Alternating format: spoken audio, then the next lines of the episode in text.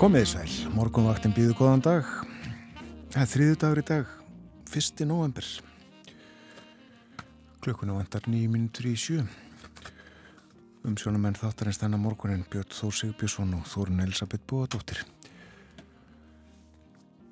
Og november heilsar mildilega, ljómandi veður á landinu. Vindræði frá lokni og að tíu metrum, tíu metrar þar sem kvassast var klukkan 6 og hitast íð viða 4-5 gráður, þrjár upp í 6 og líklega einstegs hitti það sem svalast var í byggð. En það var fjórastega hitti í Reykjavík, skíjað 1 metri á sekundu.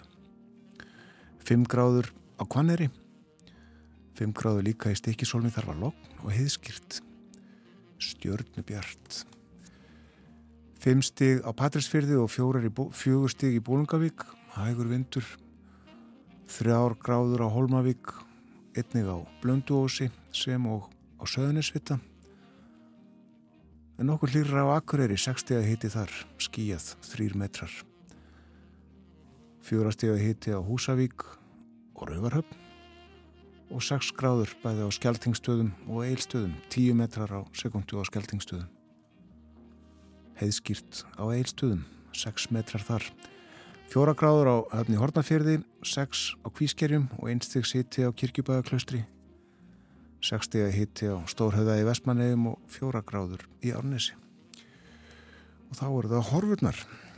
Já, horfurnar fyrir landið breytileg og síðar norðlæg átt í dag, yfirleitt góla eða kaldi, 3-8 metrar á sekundu en viða strekkingur sunnan og vestan til í kvöld 8-15 metrar á sekundu sem sagt.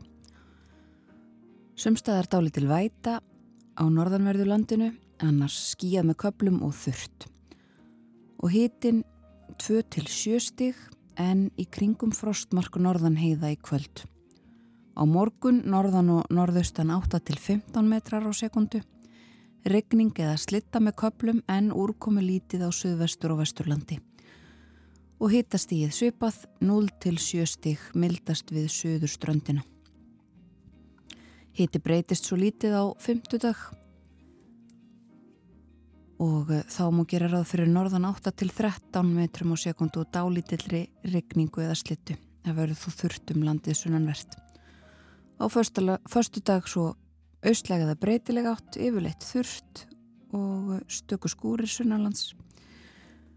Hiti 0 til 6 stík sunnantil en annars um eða undir frostmarki á förstu dag. Og við samræmi við veðri núna í morgunsárið og nótt, það var greiðfart á vegum og stöku hálka eða hálka öllu heldur á stöku heiði og það við um heiðar á norðusturlandi, austurlandi og vestfjörðum. Hálkublettir á steingriðsferðar heiði segir veðagerðin. En já, já, vonandi allir búin að jefna sig á hryllingnum og rekjunum í gær og gerkvöldi.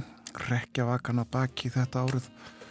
Það satt frá því hrettum í gær að það hefur líklega selst vel yfir 100 tonn á graskerjum. Já, en það uh, sá ég í það minnst á göngu sumstaðar uh, 8, 10, 12 graskir fyrir utan eh, sömu dyrnar. Mátt ekki minna vera? Nei, mikil stemning. Það er ímislegt á dagskrá morgumvaktarinnar í dag. Þóruðsnar Júliusson verður með okkur half átta. Artur Björgvin á sínu stað Berlinarspjall eftir morgumfrettir og svo ætlum við að forvittnast um sapn, sapn eitt stór merkilegt að þetta er hvennasögu sapn Já, hvað fer fram þar? Hverju hefur verið sapnað saman. Á hvennasögu sapn, við spyrjum að því á eftir. En uh, fyrsta lag þáttarins þennan morgunin sækju við í Klettafjöllin í bandarækjunum Það er John Denver og hann syngur læðinar önnu.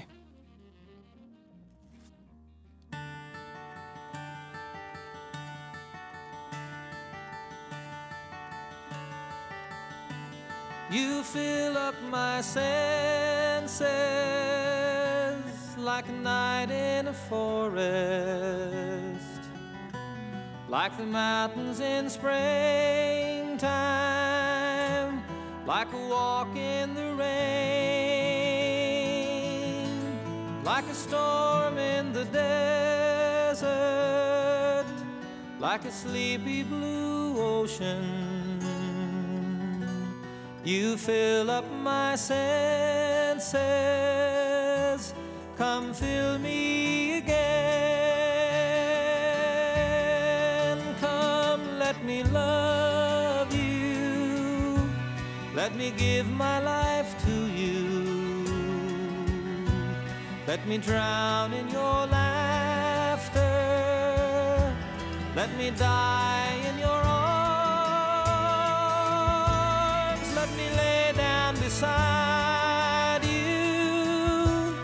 let me always be with you. Come, let me love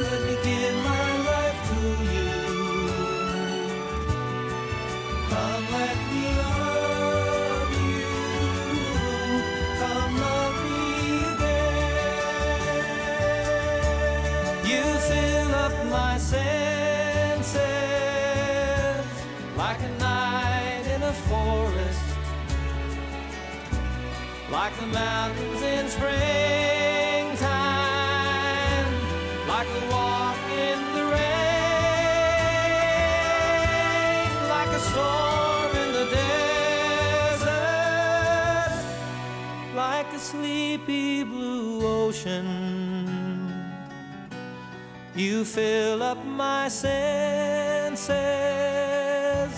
come fill me again.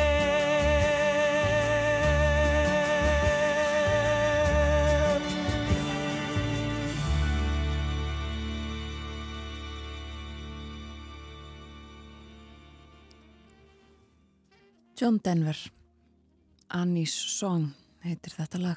Fyrsta lagið á morgumvaktinni í dag Og aðeins um hinn sem við heyrum á eftir við ætlum að hlusta á suðunisamen og uh, svo á kolrís, kolrössu krókriðandi sem að setna var svo skýrt Bellatrix. Nefndu upp á nýtt en uh, þar er einmitt af suðunisjunum.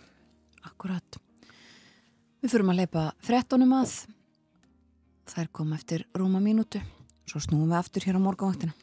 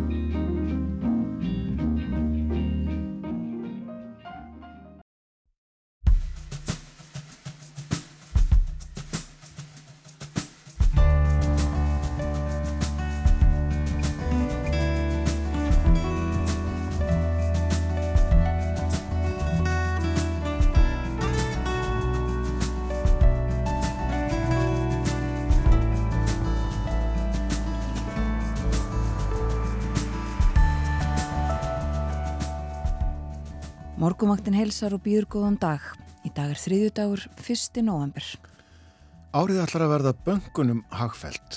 Hagnaðurinn það sem af er árið er þó nokkur og mestur er hann á þriðja ársfjórðungi. Það er að segja síðsumas og í haust.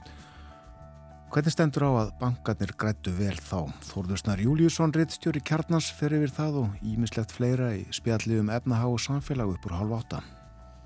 Á kvennafrítaginn í síðustu viku var opnaður upplýsinga og skjalavefur um rauðsokkarhefingun á Íslandi. Svo nú er hægt að fræðast um og skoða frum heimildir frá hefingunni.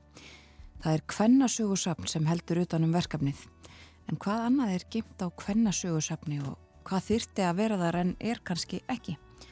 Rakel Adolfsdóttir, fagstjóri á safninu, kemur á morgumvaktina klukkan hálf nýju og leiður okkur í allan sannleikum þetta.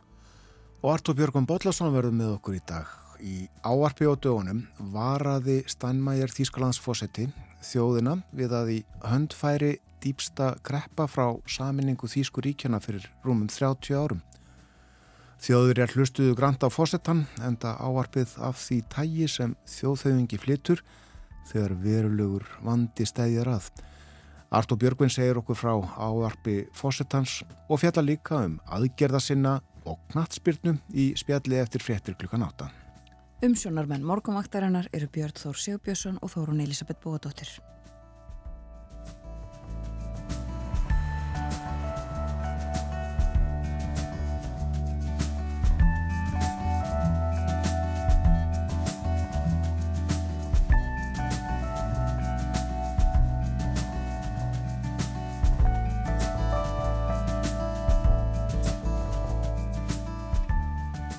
Það er ágættis veður á landinu og horfur bara hreint bærilegar sínist kallmenn komast vel á milli húsa á lagskom Já, eh, tveggja til sjöstega hiti í dag en fer svo niður í kringum frostmark norðan heiða í kvöld.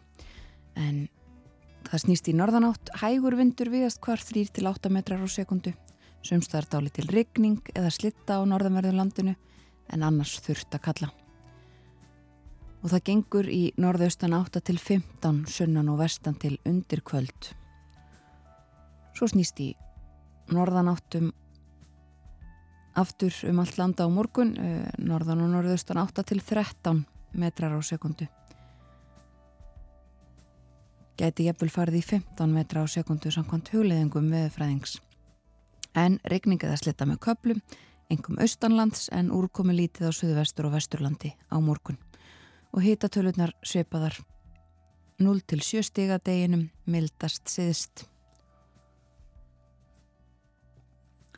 Það eru hálkublettir á Steingrimsfjörðarheiði, hálka á Dettifossvegi, hálkublettir á Hólasandi, Mývas og Möðrudalsörafum, Háregstaðaleið og Vopnafjörðarheiði og hálkublettir líka á Fjörðarheiði og það er hálka mellir Skaftafells og Kirkjubæðaklaustus, hálkublettir í Eldhrunni. Þetta eru skeitin frá vegagerðinni. Geta hann að sklimt mér yfir nýjum vef á vegum vegagerðinar, umferðin.is heitir hann. Já, hann er flottur og uh, þar má sjá sem sagt ástand á vegum og uh, líka upplýsingar um umferðina og ég sé að á uh, síðustu tíu mínutum hafa 144 bílar farið um Reykjanesbrödd og rúmlega 1900 frá miðnætti og síðustu tíu mínutur hafa tveir bílar farið um Oksnandalsheiði 32 í nótt. Og uh, það er engin bíl á Holtaverði heiði akkurat núna. En þarum fóru tíu í nótt. Skemmtilegt. Við lítum í blöðin tölum jú um dönsku kostningarnar kjördagur í Danmarku í dag gerum það á eftir, lítum fyrst í íslensku og þar er fjallað um, um formannskjörið í sjálfstæðisfloknum sem verður á landsfundið um helgina. Á fórsíðu ræðir fréttablaðið við Stefani Óskarsdóttur stjórnmálafræðing dósent við Háskóla Íslands. Og uh, hún spáir því að ríkistjórnarsamstarfi gæti laskast Sigri Guðlugur Þór. Og hér er tilvitnun í hana. Ef Bjarni tapar og dregur sig í hlið mun það þýða endurmat á stjórnarsamstarfinu Ef Guðlugur vilji lækka skatta í samræmi við yfirlýsingar og draga úr ríkis útgjöldum þá rýmar það ekki endilega við stjórnarsáttmálan. Og líka rætt við Ólaf Þótt Harðarsson, stjórnmálafræðing sem að segir maður myndi ætla að Guðlugur ætti undir höggað sækja í ljósi þess mikla árangusbjarnað að tryggja flokknum sæti í ríkistjórn svo lengi. En það er varasamt að vannmeta Guðlug. Hann er með mjög öflugan herstuðningsmanna og líklegt að hann hafi kortlagt landsfundar fulltrúana vel. Mér þykir líklegt að Guðlugur telji að hann eigi þokkalega möguleika að vinna eða tapa með litlu mun. og uh, þessi mál til umfjölduna líka á fórsíðu uh, morgunblæðsins, lítil frétta á fórsíðunni ítalegri umfjöldun inn í blæðinu og líka rætt hér við Stefáníu Óskarstóttur og uh, hún segir eh, ekki hafi verið venju að uh, sitjandi formaði sjálfstæðarflokksinn sem jafnframt er oddvitið hans í ríkistjórn fái á sig mótframbóð og það er reyfjað upp að frambóð Guðlugst hos núna það er fjórða mótframbóðu sem að Bjarni Benditsson fær á formannstíðsynni en fyrri þrjú mótframbóðin komu öll fram á meðan flokkurinn var í stjórnan andstuðu. En stóra fréttin á fórsíðu mókans það er þörf á miljarda hótelfjórfestingu.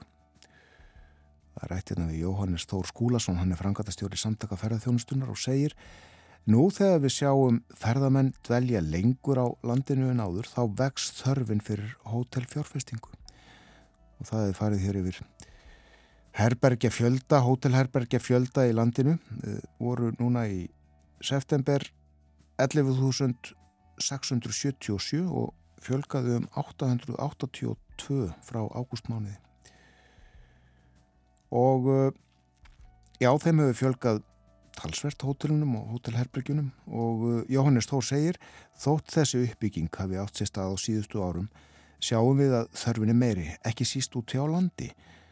Það má segja að það þurfi að minnstakosti eitt meðalstort eða stort hótel á Östurlandi, tvö á Norðurlandi og sitt hvort á norðan og sunnanverðum vestjörðum.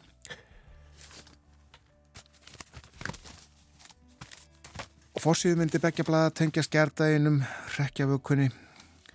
Morgunblæðin byrti mynd sem að tekjum var í árbæjasatni, þar var þjóðlegur hryllingur í gær og á fórsíðu fréttablasins má sjá furðu verur uh, já, þannig eru risaðalur tvær og uh, ein einhver græn vera sem ég kannu ekki skila á og uh, súið með krakka í fanginu.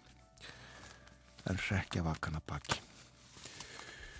Og þá fyrir við til Dalmerkur og uh, þar verður gengið að kjörborðinu í dag. Uh, klukkinu var breytt uh, í Evrópu viða um helgina aðfara nátt gerðdagsins líklega og í Kaupunahöfn er um, klukka núna, já, hvað? Jú, uh, farin að ganga nýju klukkutíma á undan okkur Já.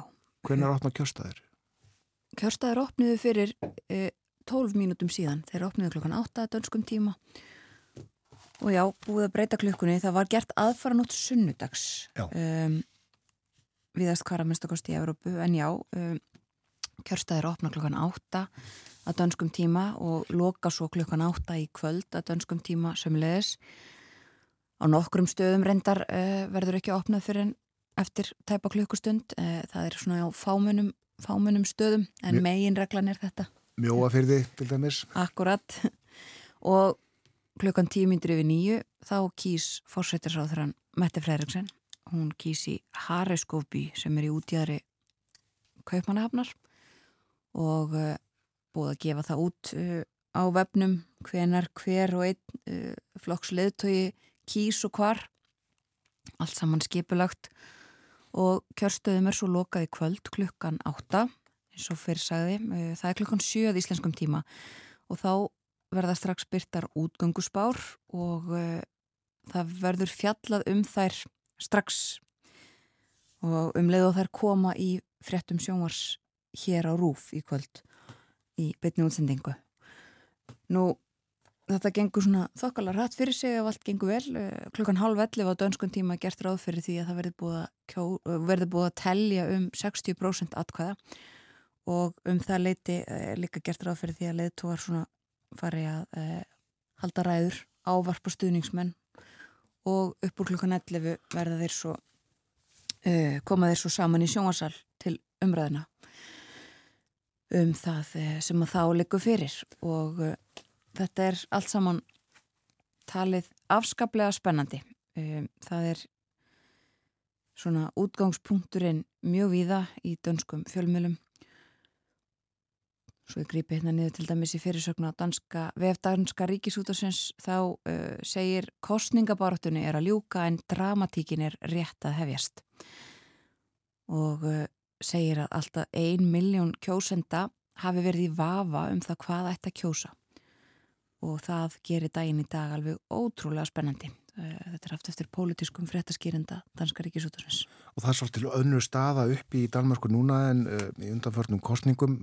Nú er það ekki bara spurningin hvort að ríkistjórnin verður blá eða rauð. Nei. Hún geti nefnilega farið yfir Já, farið yfir miðjuna. Yfir þetta, farið yfir miðjuna. Já, mm.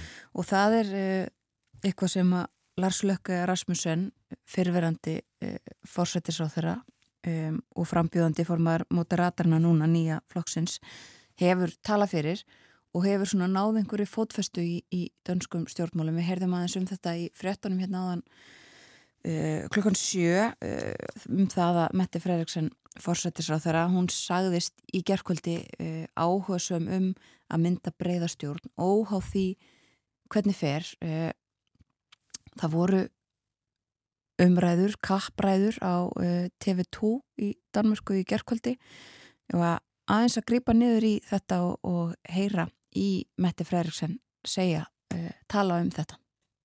Gerne, så det står fuldstændig klart, både for seerne, for alle i Danmark og for Lars Løkke Rasmussen og dig, Natasha. Jeg ved ikke, hvordan mandaterne falder ud i morgen. Det er danskerne, der suverænt bestemmer. Ligegyldigt, hvordan de måtte falde ud. Hvis vi får muligheden for at indgå i et regeringssamarbejde, så vil vi gå efter at danne en bred regering. Og det betyder også... Også selvom der skulle vise sig et rødt flertal? Ja. Selv hvis der skulle være et rødt flertal i morgen, så vil det være mit forslag, for det sagde jeg på valgkampens første dag, at vi skal afsøge at lave en bred regering i Danmark. Så det står jeg ved, og det står Socialdemokratiet ved.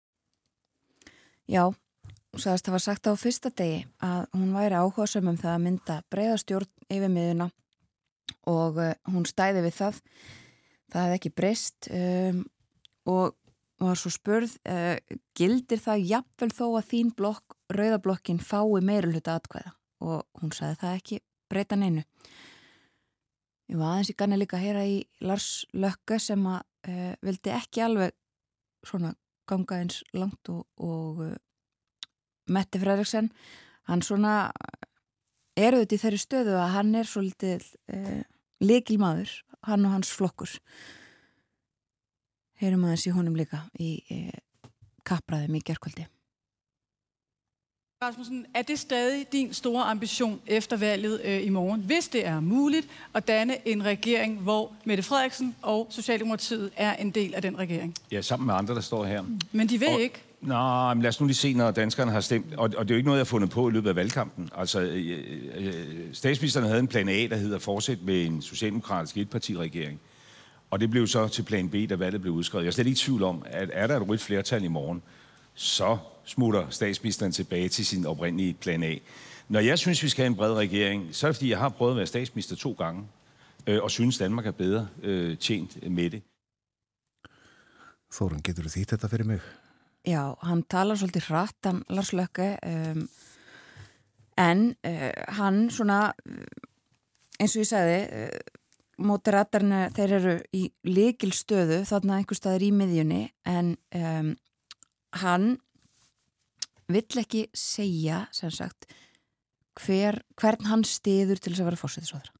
Hann ætlar ekki að úttala sig um það, segir hann og uh, Natasja Króni sem er, uh, var spyrjandi þarna, hún reyndi svona íta á hann um, hver á að, að byrja viðræðunar, hver fær umboð uh, og hann ætlaði bara ekki að tjása nýtt um það, hann sagði bara við ætlum ekki að tala um það hérna í dag.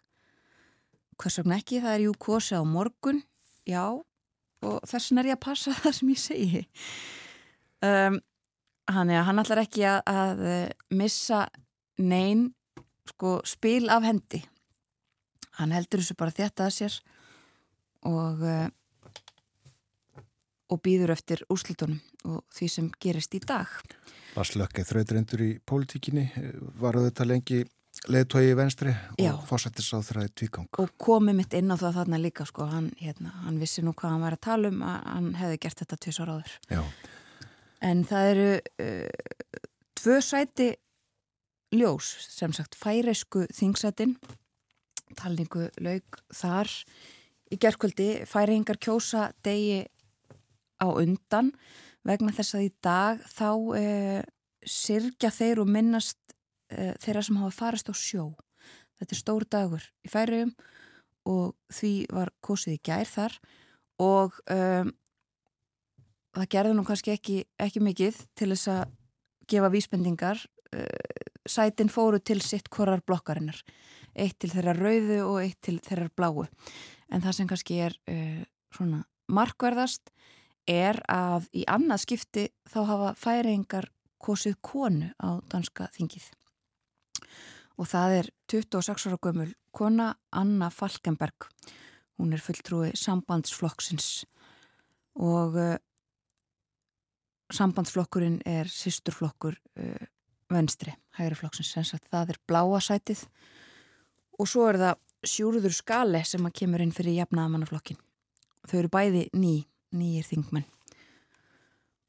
Og svo koma úrslitin í eh, kvöld en mögulega samkvæmt stjórnmálaskýrindum þá verður þetta ekki ljóst, það er svo mikil spenna í þessu að það gæti farið svo að úrslitin ráðist ekki fyrir en að talningu, talningu er lokið á Grænlandi og það gerist aðeins setna heldur en e, í Danmörku.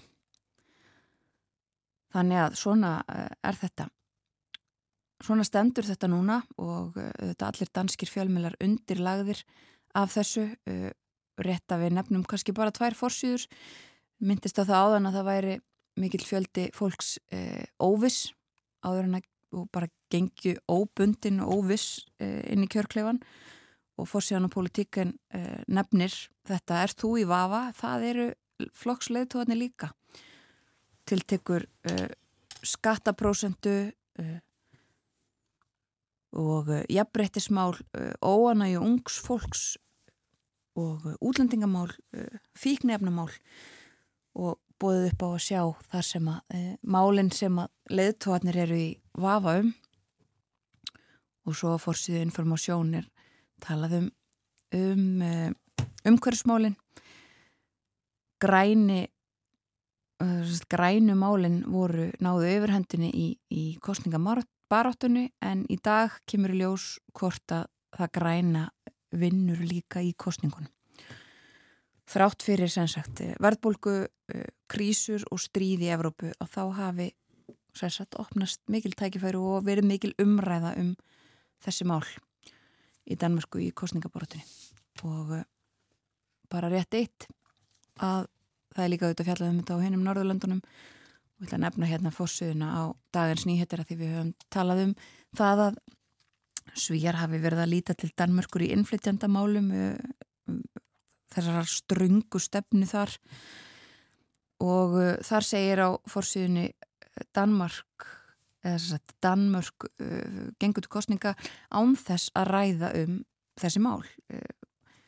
Danskir kjósundur voru bara uh, nefndu ekki að tala um þetta núna. Þeir vildu frekar tala um heiminn og lofslagsmálinn Segjum þetta gott af danskum stjórnmálum í byli hér á morgunvaktinni. Kominga heim, það er fyrst í nógambir í dag og uh, þann dag árið 1922 fættist Jón Sigurbjörnsson leikari. Fyrir hundrað árum sem sé. Hann fættist á Ölvaldstöðum í Borgafyrði, bjó í Borganesi, vann framann af starfsæfinni sem mjölkubílstjóri og í vegavinnu og eftir nám í Gagfræðaskóla Reykvíkinga eh, þá fór hann í leiklistaskóla Lárusar Pálssonar og líka tónlistaskóla Páls Ísólfssonar. Og uh, svo fór hann til New York og læri þar bæði leiklist og söng. Og setna naman óperusöng á Ítalju, bæði í Mílanó og Róm. Og Jón leki í þjóðlökhúsinu og hjá leikveilagi Reykjavíkur, lekuð þetta líka í kvikmyndum. Og hann söng í óperum og starfaði um skeið við konunglegu óperuna í Stokkólmi. Við skulum hlusta á Jón syngja, ekki óperu að þessu sinni, heldur hinn kraftmikla söng Suðnisjamenn. Það er Karla Kór Reykjavíkur sem syngur með Jóni.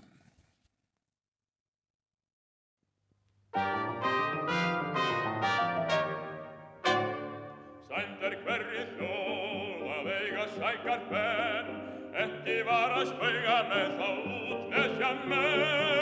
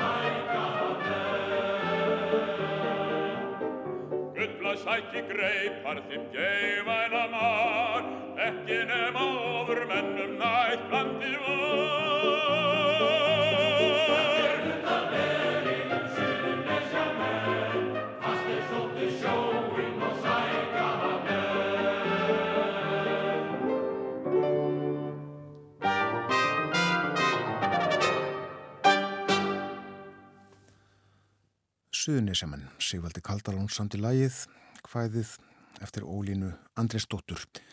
Jón Sigur Björnsson söng, það er öld í dag síðan hann fættist, hann lést 30. november í fyrra.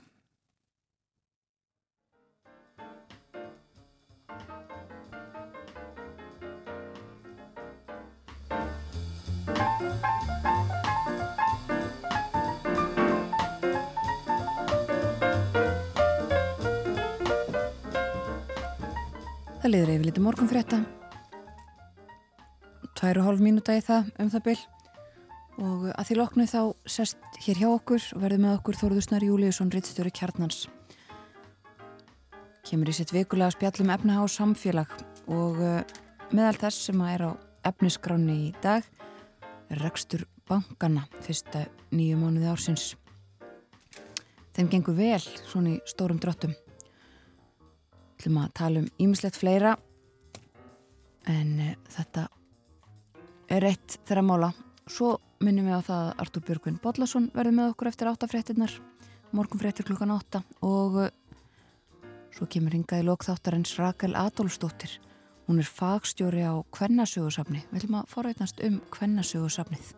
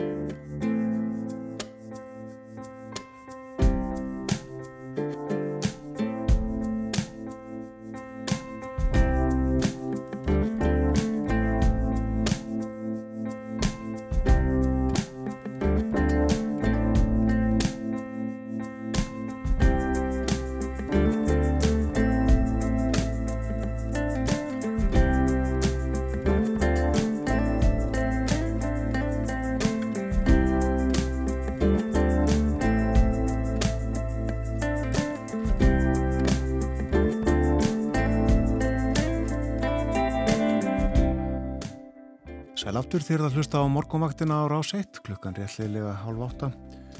Það er þriðu dagur í dag fyrsti dagur novembermánaðar og veðrið breytileg og síðar norðurlæg átt yfirleitt góla eða kaldi. Víða strekkingur sunnan og vestan til í kvöld. Sumstaða dáli til væta norðalands annars skýja með köplum og þurrt. Og hitti á landinu í dag 2-7 stig en kringum frostmark norðan heiða í kvöld og á morgun norðan og norðaustan 8 til 15 metrar og þá verður rigning eða slitta með köplum úrkomi lítið á suðvestur og vesturlandi. Og hittin á morgun 0 til 7 stig mildast við suðuströndina glimti hér einu í gær og áðan. Þannig er að uh, í gær sá þetta dagbók fyrir gerðdægin þá voru sanns liðin 11 ár frá því að mannfjöldin á jörðinni náði 7 miljardum 11 ár síðan við vorum örðum 7 miljardar Hvað ætlum við séum mörg hér á jörðinni í dag? Rétt hæpir 8. 7 miljardar 984 4, 4 miljónir. Það eru semst fjölgað um næstu miljard á 11 ár. Og uh, ágætt að uh, fá hausin aðeins í gang með nokkrum tölum áður en að við uh, dembum okkur í talna súpu með Þorðisna Júliu sinni sem er sestur hér hjá okkur. Heil og sæl og góðan dag. Góðan dag. Við ætlum að byrja á að tala um bankana. Fyrirtækin eru að greina frá ganginum í rekstrinum á uh, síðustu þremur mánuðum. Þar að segja þriðja ársfjörðungi og líka þá og þar með fyrstu nýju mánuðum ársins og já, böngunum gengur bara vel, er það ekki? Uh, jú, það má segja það. Uh, ef við kannski horfum aðeins aftur fyrir okkur til að byrja með, þá þetta áttu bankarnir uh, frábært ár í fyrra, það er að segja þeir högnuðustum saman þessi þrýrstæstu, Landsbankin, Íslasbanki og Arjónbanki um 81,2 miljardar á síðasta ári og það var 170% meiri hagnaður en, en árið og undan. Uh, á meðan svona uh, það voru, það var vesen við það í samfélaginu uh, vegna kórnuveru faraldusins og hagnaðurinn í fyrra var af ýmsum ástæðum, það var hérna bara betri vakstatekjur og, og betri þóknarnatekjur, þessi svona undilíkjandi tekjupóstar, en líka vegna þess að þeir voru að hækka útlána söpnin sín aftur upp uh, sem það hefði gert einhverjar varuða niðurfæslur á vegna kórveru faraldsins uh, núna í ári er, er mun minnum það það er að segja, eru búin að, að færa útlánarsöfnin aftur tilbaka þángað sem að þeir telja að þau eigi að vera það sem við munum endur heimta þeim peningu sem við hafa lánað út og núna er hagnaðurinn sem er að verða til stóru leiti vegna þess að þessir undirleikjandi þættir, það er að göldin sem við greiðum fyrir að fá lánaða peninga eða fá þjónustu hjá böngunum eða við heimilinn og fyrirtækin og fjárfestarnir í landinu það, það er mikil aukning á þeim teikjum uh, samanlagt eru þessir þrýr stóru bankar búin að hagnast um rúma 50 miljardar á fyrstu nýju mánuðum ásins. Ef þeir halda áfram, svona ef við ekki förum í eitthvað svona smá samkvæmsleik sem eru auðvitað kannski ómögulegt að skilja okkur algjörlega á rétta, réttan stað en ef þeir myndu eh, hagnast um það sama á síðast ársfjörungi og gerða fyrstu þremur þá er þetta svona 60-50-70 miljardar sem uh, bankarnir myndu hagnast um og þetta minn enn í fyrra en aftur, eins og ég sagði þann, uh, gríðarlegur hagnaður sem var í fyrra. Já þannig að hérna e, það er já, það er góðu gangur og, og það er e, ef við kannski förum í þessa undirlikjandi þætti það sem eru að skapa þennan hagna og byrjum á vöxtónum og hérna, svo maður týnir sér ekki í tannlasúbónum, þá ætla ég hérna kannski að útskýra það að, að, að bankarnir þetta fá lánaða peninga á borgarvext og það og svo lánaður okkur peninga aftur út og taka vext af því. Mununa þessu tvennu er vaksta munur og uh, hann hérna segi svona doldið til um það uh, hversu ráðandi uh, þessi starfsemi er í, í hagnaði banka. Vakstamunur allar bankana hefur að hækka og það er ekkit óeðlegt í svona verðbólku umhverfið sem við verum að, hérna, að búa við en hann er auðvitað og hefur alltaf verið í samanbörði við önnur löndi í kringum okkur mjög hár hér á Íslandi. Eh, núna er það þannig að, að Íslensku bankarnir eru að rauka 2,8 til 3,2% eða vakstamunir er 2,8 til 3,2% mestur er hann hjá Arjónbanka 3,2% og það er umtalsveit meiri vakstamunir í fyrra, þá var hann 2,3 til 2,8 uh, og árunni 2020 þegar hann var 2,7 þannig að hérna, það er að aukast hérna, bílið á milli þess sem bankarnir er tilbúin að borga fyrir peningar og það sem þeir rukka Eh, heimilin og fyrirtækin fyrir þar sem uh, þau fálánað. Og er það eðlilegt ef, ef, ef, sem á orði komast í verðbólgu og þegar vextir hafa hækkað? Já, það er, uh, þegar vextir hækka, þá uh, hefur vaksta munur tilningu til þess að aukast á. Uh, og uh, það er samt aðtilsvert að sjá veist, að þetta er að gerast, þessi þróun bæði fyrra á í ár, þrátt fyrir að bankaskættur hafa verið lækkaður og það var alltaf svona því var haldið fram að bankaskætturinn uh, ekki vakstamun, þannig ekki kostnað heimila og fyrirtækja því að fá lánað vegna þess að það var svo íþingjandi fyrir banka að borga sértæka skatta sem var ekki rukkaður í öðrum löndum. En þrátt fyrir að hann hafi verið uh, mingaður tölvert sem viðbráði kórnuveru faraldrinum þannig að mæstu kostu fyrsta ári þá skilaðan böngunum 6 miljardum í, í reyðu því sem þeir hefðu þuttu ekki að greiða í ríkisjóð þá hefur vakstamunurinn eða bara sífælt farið hækandi frá því að svo ákvörum var tekin Skreitið. Uh, hinn stóri pósturinn í tekjumótili bankana er það sem kallast þóknanatekjur eða þjónustutekjur eftir því uh, svona hvernig þeir uh, hvernig þeir bara nefna það hérna eru svona þóknanir fylgjumis, eignastýring og fyrirtækjar ágjöf, líka auðvitað bara alls konar þóknanir sem þeir rukka af fólki fyrir gögn og annað slíkt sem þarf að hérna, maður þarf stundum að fá afhengt til þess að hérna, þegar maður er einhvern veginn að reyna að, að að skera sér í gegnum skrifræðis frumskóin og uh, greiðslumött og annað slíkt. Uh, og þarna er aukning um rúmlega 12% á milli ára, það er segja á milli uh, bankandi fengur 12% meiri þóknarnatekjur á fyrstu nýjum ánum ásins 2022 en þeir fengur á sama tímubili 2021 og það var þrátt fyrir það að hafa gríðarlegur vöxtur í þessum tekjum í fyrra til þess, bara, til að setja það í samhengi hjá hérna, landsbánkanum jökustónum fjóruðungum mellir 2020-2021 Íslandsbánka 22% Arjónbánka tæplega 27% þannig að fyrra þegar e, það var hérna svona ákveði hlutabræða fyllir í og mikil, mikla rækanar og mikla þóknanir meðal hans út af því e, að vera milligöngu aðili fyrir hlutabræða viðskipti og annars lít, mikla rækanir á mörguðum og, og hérna svona vegna innspýtinga, selabanka og, og ríkistjórna á eignamarkaði e, þá rugu þessar þóknanir upp og þrátt fyrir að hlutabræðamarkaðar hafi kælst á þessu ári og mörg félög fall tölu til verði þá uh, þá er samt aukning í þessum tekjum. Veistu hvað sagna það er? Uh, eitt er hlutabræða verðbólka uh, það kostar allt eða þú veist það hækkar allt þegar hérna þegar það er verðbólka þetta er ekki sundulegað það er ekki hægt að sjá það kannski skýrt hvort að það séu verið að hækka uh, innheimt þjónustu eða þóknarnagjöld fyrir uh, segja, umsýslu gagna í kringum húsnæðiskaupið eitthvað svo leys en hérna það sem að sér er bara breyða, breyða stóra myndin og það er það að, að þessar að þessar tekjur er að hækka og voru 30 milljarar á fyrstu, fyrstu nýju mánuðum ásins Við tölum hér um Landsbankan, Íslandsbanka og Arjónbanka reyðið það nú upp fyrir okkur. Er þeir allir ámóta stórir og, og starfseminn svona svipuð? Eh, Landsbankin er stæðstur og horfur á EIFI eh, og svo Íslandsbanki og svo Arjónbanki. Það er auðvitað vegna þess að Arjónbanki hefur að greiða tölvöld út af EIFI-inu sínu og umfram það sem hinn er að gera. Íslandsbanki byrjar að gera slíkt sama. Eh, það er hérna og Landsbankin er auðvitað ekkert í í því, hann er bara ríkisbanki. Uh, þannig að hérna, hann reyndar greitti út sérstaka argreðslu ofan á ofan á hinna argreðsluna sem hann hérna uh, sem hann ákvaða að greiða á aðalfundi á þessu ári.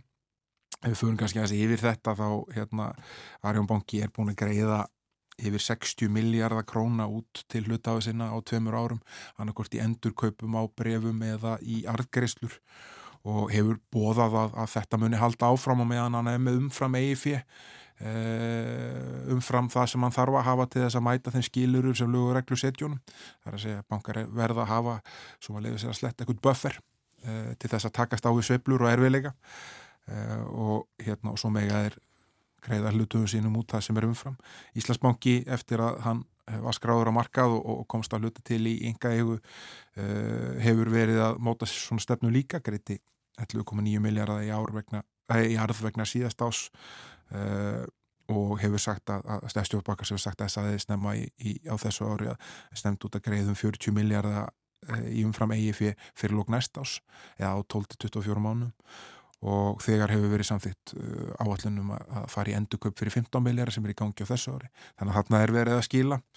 Og landsbankin uh, með uh, bæði upprunlu argriðslunni sinu og þessari sérstökum sem var samþygt síðar eh, greiti yfir 20 miljard í arð til eiganda sín sem er að auðvitað uppstöðu bara Íslenska ríkið. Og það má segja er það ekki að, að þessi sérstakka argreifsla hún hafi eiginlega verið í formi hús? Já, Já. það eiginlega, er bara nákvæmlega á þóttölu.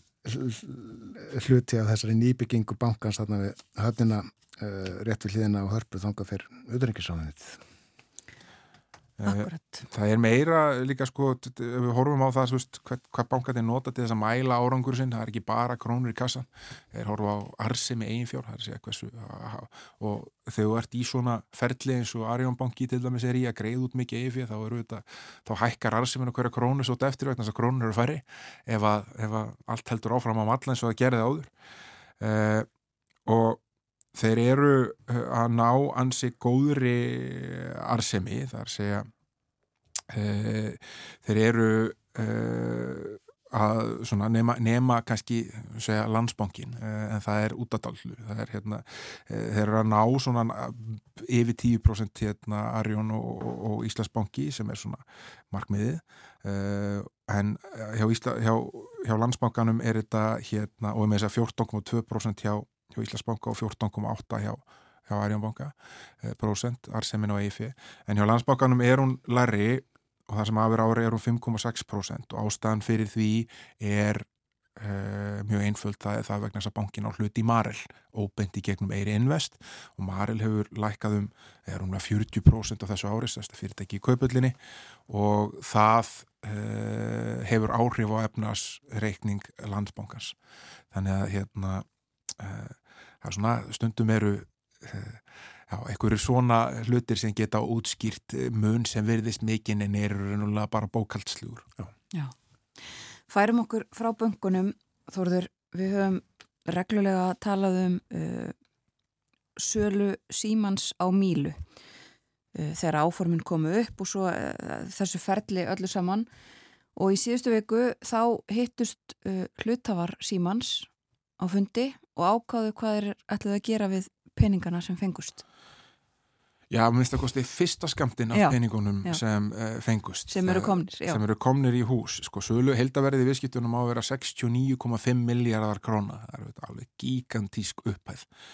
Uh, það sem símin er raunlega fær, eh, það er einhver yfirtak á skuldum, svo fær símin fengið 32,7 miljardar í reyðufið og 17,5 miljardar króna er raunlega seljandalán sem símin veitir eh, Ardian og, hérna, og greiðast upp á, á þremur árum og símin má síðan selja það skuldabrefi ef hann vil.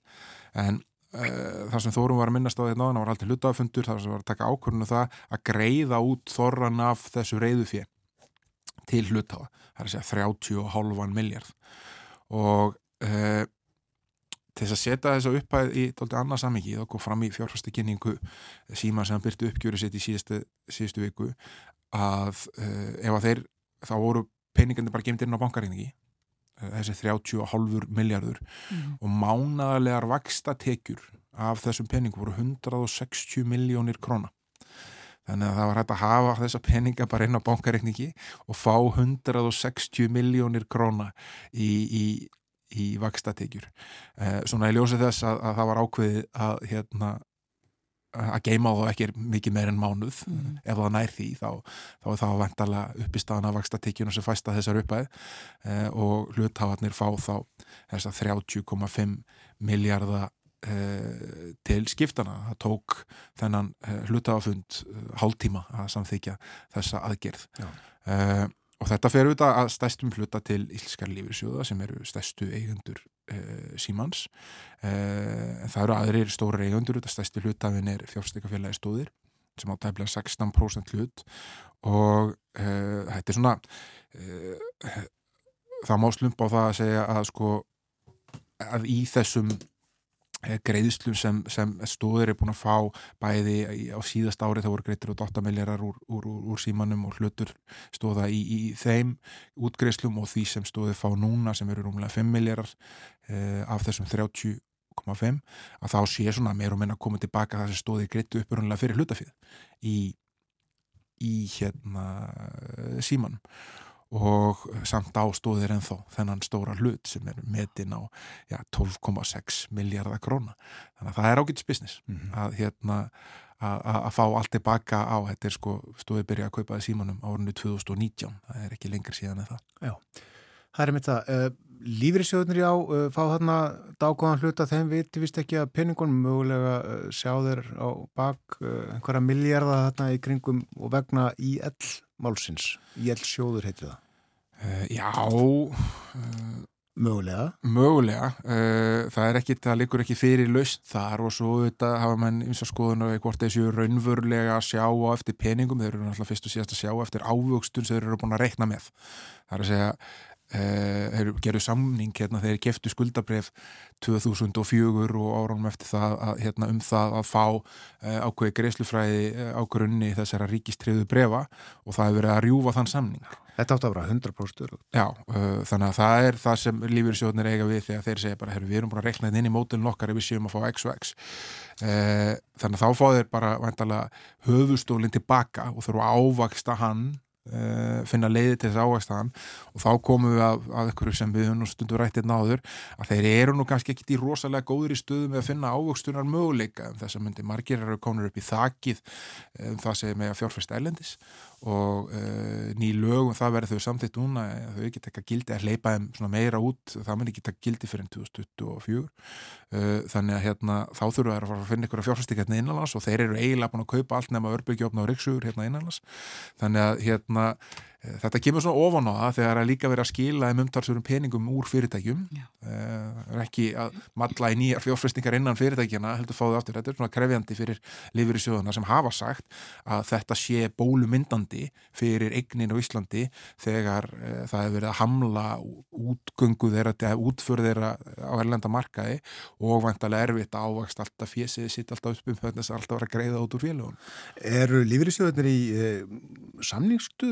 eh, sagt sem svo, við fjármálaráþurann eh, núna vegna þess að IL sjóðsmáls og eh, segja við erum til í að taka eitthvað á okkur ef við fáum að fjárfesta meira í útlöndum.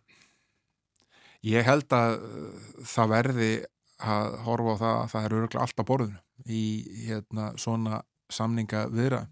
Það, það er líka sko, við verum að hugsa til framtíðar, hér er uh, verið að horfa og fara í daldi stórtæka uppbyggingu og alls konar innviðum og verkefnum.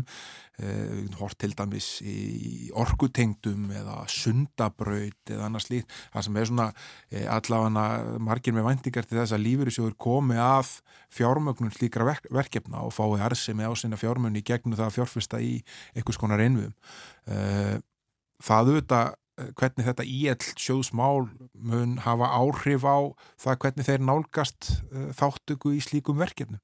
Ég held að hérna, þótt að, að forminu til sé fyrst og síðast verið að tala um, um þessa skuldabrjáflokka og hvernig að gera þá upp og hvort að þessi einföld ríkisábyrð á þeim eða, eða sjálfs skuldarábyrð eða hvað sem er, þá uh, er óhjákvæmilegt að, fleiri púsl verið sett á borðið uh, til þess að reyna að ná í heildrætni niðurstu. Já. Þorður er ekki konið fimm mánuðu síðan við uh, fórum svona fyrst að búa okkur undir að fjalla jafnvel um skýslu ríkisendurskoðunar um uh, sölu ríkisins á tilteknum hlut í Íslandsbanka. Já, það var í apríl sem var beðið um þessa skýslu. Og hún átti að koma og fyrst í hún júni. átti þá að koma í júni uh, og uh, þannig að það eru sjö mánuður síðan að beðið um hana. Það eru fjórir mánuður við horfum í lok júni síðan hún átti að koma. Og uh, ef ég skildi formann stjórnskipinu og eftirlistinenda rétt í fréttum rúfi í gerkvöldi þá er nú bara verið að vonast þess að hún komi eitthvað tíman í nógumben núna. Uh, þannig að þetta er orðið hálf farsakent allt saman. Já, en þetta átti að vera svo klift og skorið uh, sögðu hjá bankarsýslunni og, víðarsósum. Já, en þú veist, núna liggur auðvitað fyrir að það er einhverju sem er búin að sjá skýsluna, að minnst að kosti þeim drögum sem hún er afhengt fjármáranöndinu og bankarsýslunni. Eh, þannig að hérna, það er nú kannski ekki útlokka að fara eitthvað að glitt í hana. Eh, það er hérna því fleiri sem vita því ósennilegar er það að lokið haldist á Já. þannig að hérna við bara höldum áfram að býða spennt Þetta fer eiginlega að vera sakfræði frekar en eitthvað annað að rannsaka þessi viðskipti. Uh, já og hérna og svo eru þetta alls konar samsæðiskenningar um það hvort að það sem við vilja gert eða ekki Já. ég held að við verðum nú að leifa ríkisendur skoðun að njóta þess sjálfsagða að vera sjálfstæðstofnun sem skoði þetta velind En í ríkisendur skoðandi villu þetta vanda sig.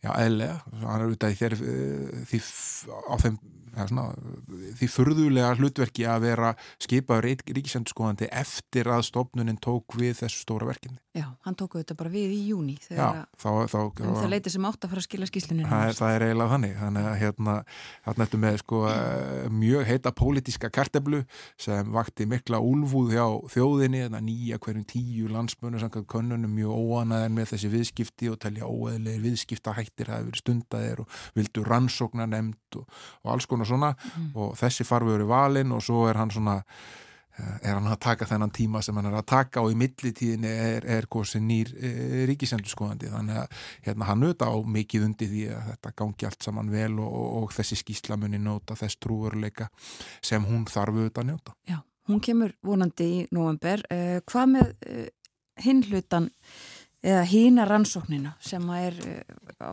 fer fram innan fjármálættilitsins eða ekki?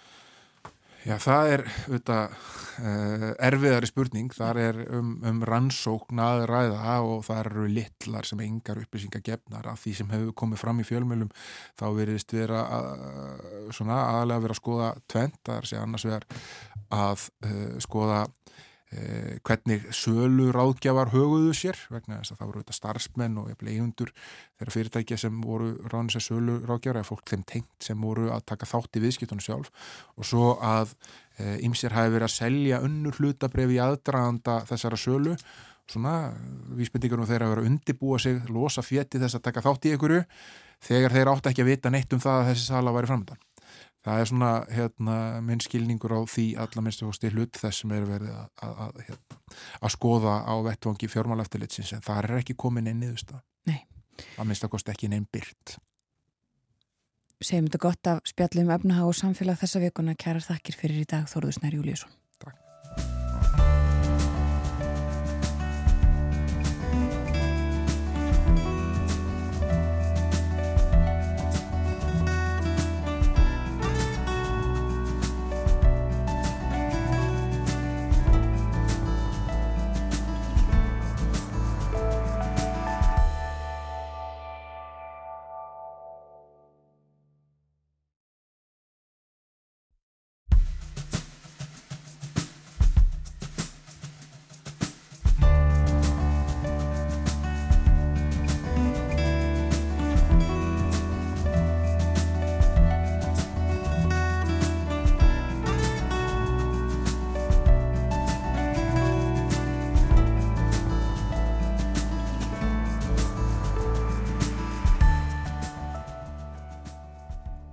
Sæl og ný, þau eru að hlusta á morgumvaktin á rás 1 klukkan 6 mínútur gengin í nýju þennan þriðudags morgun Ásrún Brynja Ingvarsdóttir fór yfir veðurhorfurnar í frettunum hér rétt áðan.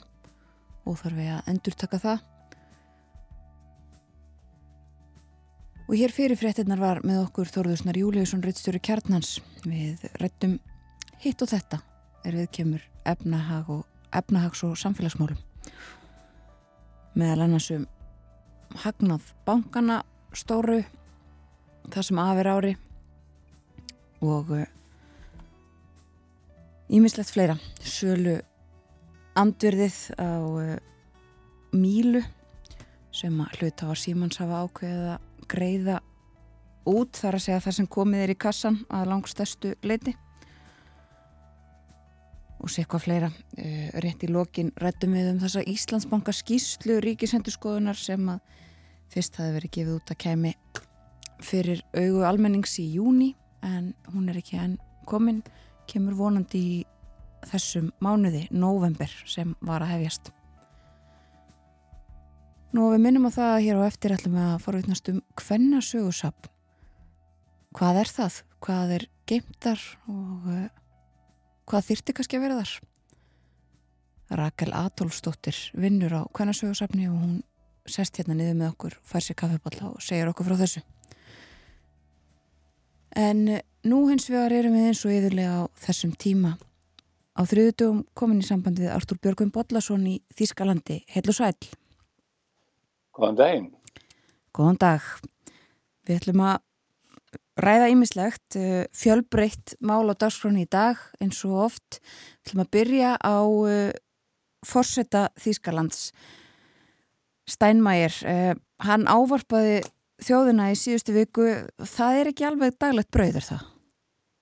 Nei, það er ekki daglegt brauð og gerist nú yfir þetta ekki nema eitthvað sérstaklega tilöfni hafi gefist og menn hefðu reyndar beðið eftir því með nokkur eftirvettingu, sem er náttúrulega með smá óþreyjuðað að Steinmeier fórseti ávarpaði þjóðuna núna eftir að spádómar um yfirvofandi kreppu, efnaharslæð og aðra hörmungar hafa döðnuð á þjóðurum í fjölmiðlum síðustu daga og vikur.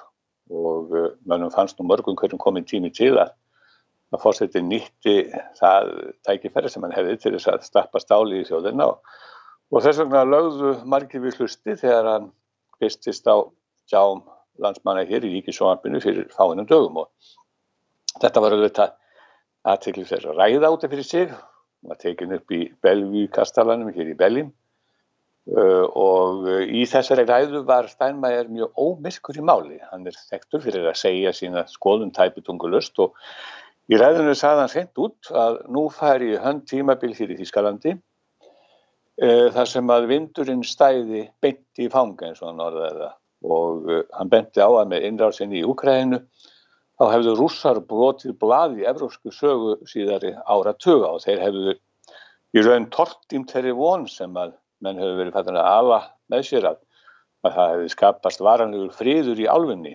og hann er litið frambúðar. En vegna þessa ófríðar og því sem honum fylgdi þá eru þau næstu ár þjóðverum eins og hann sæði þung í skauti og þetta er því dýfsta kreppa sem þíska þjóðin hefði komist í frá því að eh, Þísku ríki voru saminu fyrir 30 árum eftir fall Sovjetríkjana. En eh, auðvitað náttúrulega átti hann fyrir að því að hann mátti ekki vera með endtón svartakalsraus, því að hann er jú þjóðaringi og þarf að stappa stáli eins og ég segði þjóðina, að þá bent hann á að þó að útleitið væri svart á mörgum sviðum, þá getur þjóðverið leika síður spilt við fótum og þeim ætti ekki gleyma því að eh, Þískaland væri, efnahanslega mjög öllut ríki Það stæði framarlega í vísindum og tækni og ætti mjög mörg kröftug stórfyrirtækja um sem sviðum. Auk þess að Þýrska ríkið væri mjög vel í stakkbúi til að bregðast við og taka á móti við sem skakkaföllum. Það sem þýrsti hins verið eflasagan, það var alltaf aðfylgisvert, uh, það væri getan til að verjast ef áþýrti að halda. Já. Og það sagðist ekki verið að bóða það með að þjóðun eftir beininir að búa svo undir stríð, heldur þýrt hún að hafa varnitari lægi og uh, hann gerði það skýrara með því að segja að þeistum með öðrum orðum að stór efla þýska herin og búa hann mun betur úr gardi og eh, ég vona að segja alveg þess að þetta fannst mér nú í ræðinu svona svolítið óhugnarlegt svo ekki sem er að sagt sér þó að hann hafi sagt menn ætti ekki að búa sig undir stríð beinlinis að þá lánu í orðunum að menn er það að vera við öllu búnir og eh, hann eh, og að heyra þetta sem sagt á, á, á 20. og, og hérna fyrstu öldinni hér í hér í eh, meður Evrópu, það er svolítið, svolítið óhengavett. En hann bætti því verið að það veri ljóst að Rúsland og Þískarland væru ekki lengur vinaþjóður, síðan með innrásin í Ukraínu, 24. februar hefði Rúsland stopnað Evrópu í bráða hættu og hann réðist mjög harkarlega Putin og saði að hann bera persónulega ábyrð á þessum hildarleik með því að láta það sem hann kallaði ofstækis hulla heims drottnunar óra hafa sér út í að brjóta öll alþjóðalög, óvirða landamæri sjálfstæðs ríkis og fremja það sem að Steinmæði kallaði landarán og eh, hann sagði að þetta sko miskunarlausa og gremma árásastríð það færði bara, eh, hefði rústað auðrikinni í Evrópu og steift heiminum út í, út í átök og, og vígaferðli og, og eh, svo skoraði hann líka í þessari ræðu á þá sem að hefðu peninga, það er efna fólki í Þískarandi að eh, leggja fram fyrir og hjálpa til að leta byrðunum af þeim sem minna mættu sín að var hann að hvetja til þess greinilega að eh, skattar á háteikju fólki eru hækkaðir Já. og sem hefur nú verið á dagskrá allavega jafnaðamann og græninga en frálsveit demokrater í ríkisöldunni eh, spórna þar við fótum. Og svo bent hann á líka að Þíska þjóðin ætti að reyna sko, finna fyrir meiri og ebla samstuðuna sín innan innbyrðis.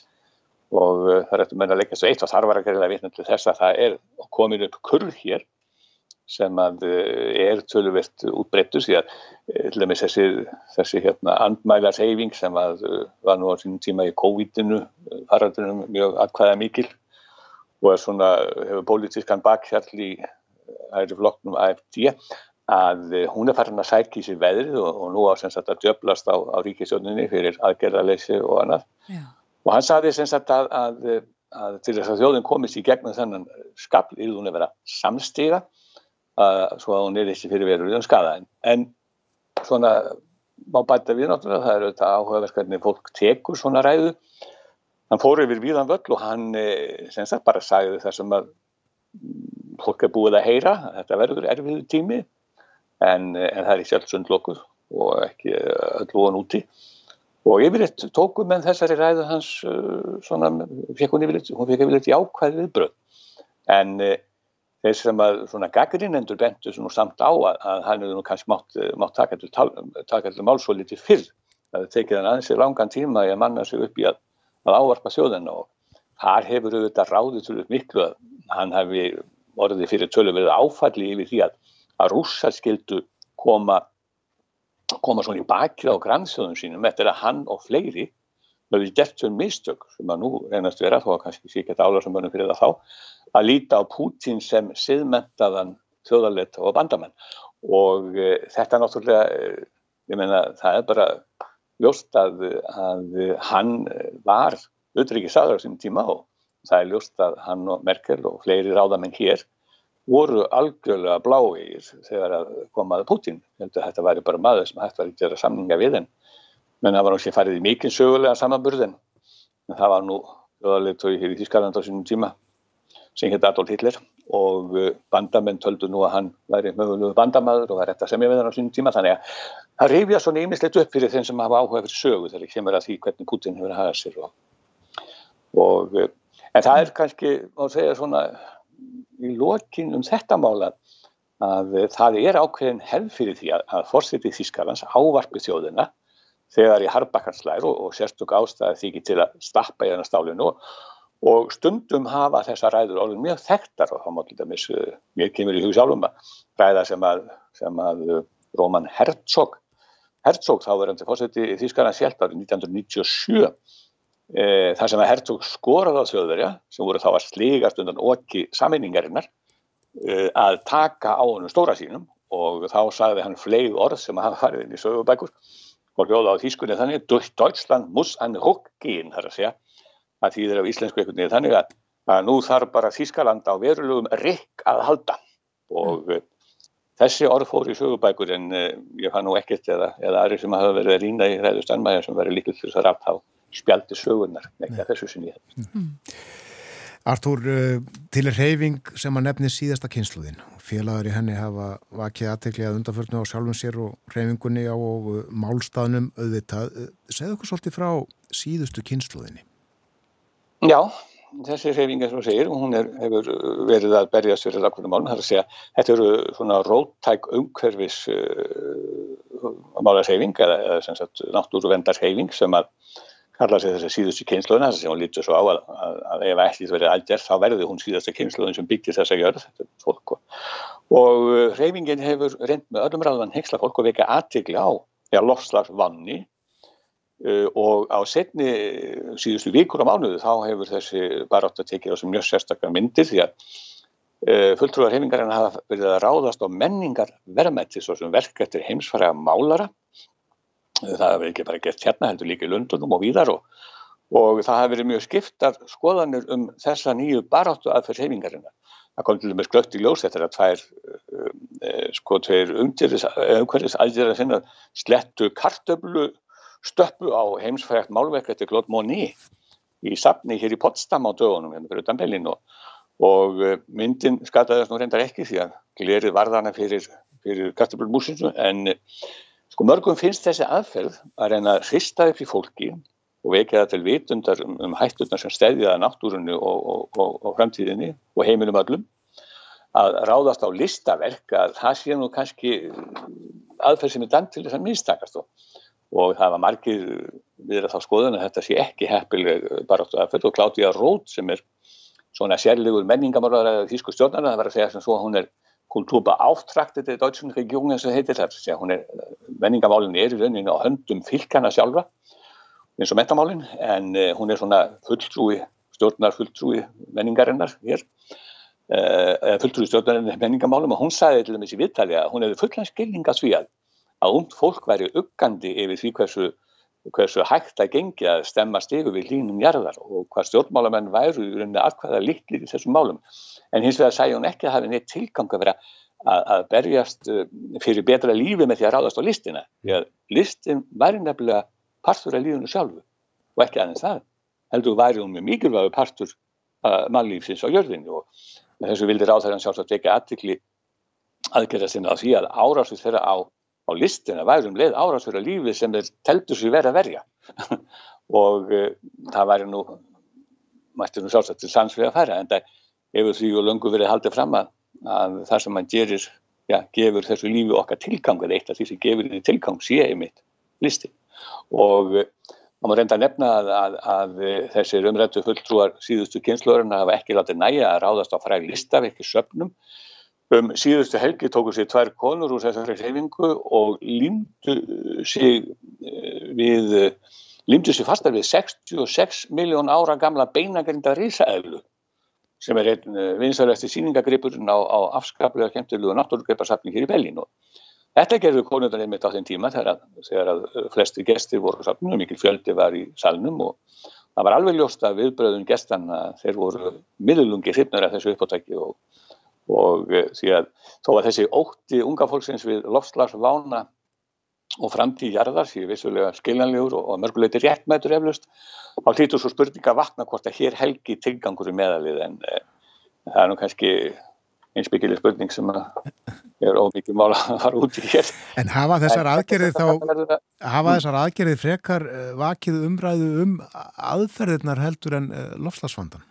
Já, það er nefnilega málið. Mm. Það, er, það er nákvæmlega það sem hefur gert að menn einblýna núna á það hvort það sé rétt að þeir sem eru berjast fyrir einhverju málstað sé að, að skapta heimsfræg listaverk og menningarverðmætti mannkinsins og, og líma sig við stórfræga síningargrippi í söpnum og sínlið um þetta hefur það snúist en menn tala bara minnst um það sem verið er að berjast fyrir þar að segja hennan málstáð og þess vegna hefur þetta sko að margar dómi snúist í höndunum á fólki og, og þetta má kannski nefna það bara svona líka eh, að hérna Ólaf Scholz kanslari hann gaggrýndi þessa aðgerða sinna sjálfur í gær mun að hafa verið og hluttan tölu þar sem hann var að tala um, um þessar aðgerðir.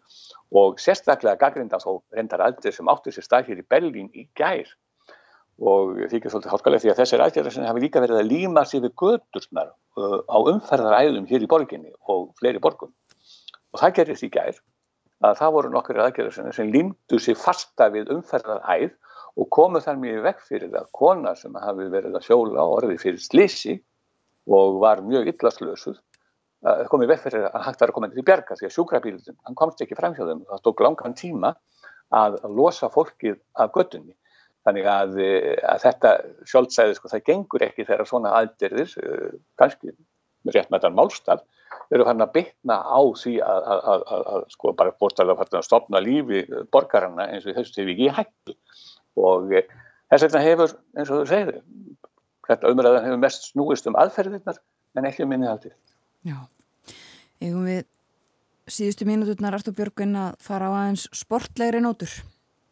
Já, Það er eftir sjálfsagt að tala um uh, sportlýri nótu hér í Berlín, þar að segja uh, þetta ágæta lið Union Berlín. Uh, það hefur verið aðal máli hér í Berlín síðustu mánuðuna eða víkurnar uh, því að sko í Berlín, fyrir þá sem ekki tekja til, eru tvö fótballtalið sem að hafa bæði verið síðasta keppnistífambili í úrvalsdeildinni Þísku. Það er Hertha Berlín sem er nú búin að vera lengi í deildinni og Union Berlín sem er nýliði deildinni og sí, sko, það bara skiptir einhvern tókum að þetta nýja lið, Union Berlin, sem er frá hverfi hér í Berlin sem að ymsi kannski kannast við og heitir Köpenick, að e, það er bara búið að fara því líka sigur göngu í úrvalstildinu, meðan mjög að varla annað eins og það er meiri segja búið að liðið búið að skjóta sko mistur og bæjan munnsinn reff fyrir rass og, og trónar nú bara efst í deildinni. Og uh, þetta þykja tíðindi, það voru svona tímbil alltaf tíðindi þegar þessi tvö bellinalið uh, tókust á eða, eða mættust í, í keppnisleikjum. Það var kallað Derby og heitir alltaf Derby hér í Bellin þegar það gerist. En nú er það bara ekki þannig að menn einblínir á þau hvernig Union Berlin gangi að standa upp í hárun á á hérna, sveitungur sínum í hörstu belinni heldur er það bara það að þeir eru fattir að sætja svolítið fram og þeir eru konur í eftirsætið í deildinu og þeir eru búin að, að, að sagt, stjóta eins og sæði bæja munn sér eftir þess og þetta þykir mjög aðtiklisvert vegna þess að mörgum finnst sko jákvæmt að allmætti peningarna sem hefur verið svona já, mjög bersýnilegt í úrvaldsveitinni Þísku því að bæjan munn sem hefur alltaf keft dýrustu og bestu leikmennina og þeir eru svona algjört efnahagsveldi að það líður efnahagsveldi þarna sögðu frá Já.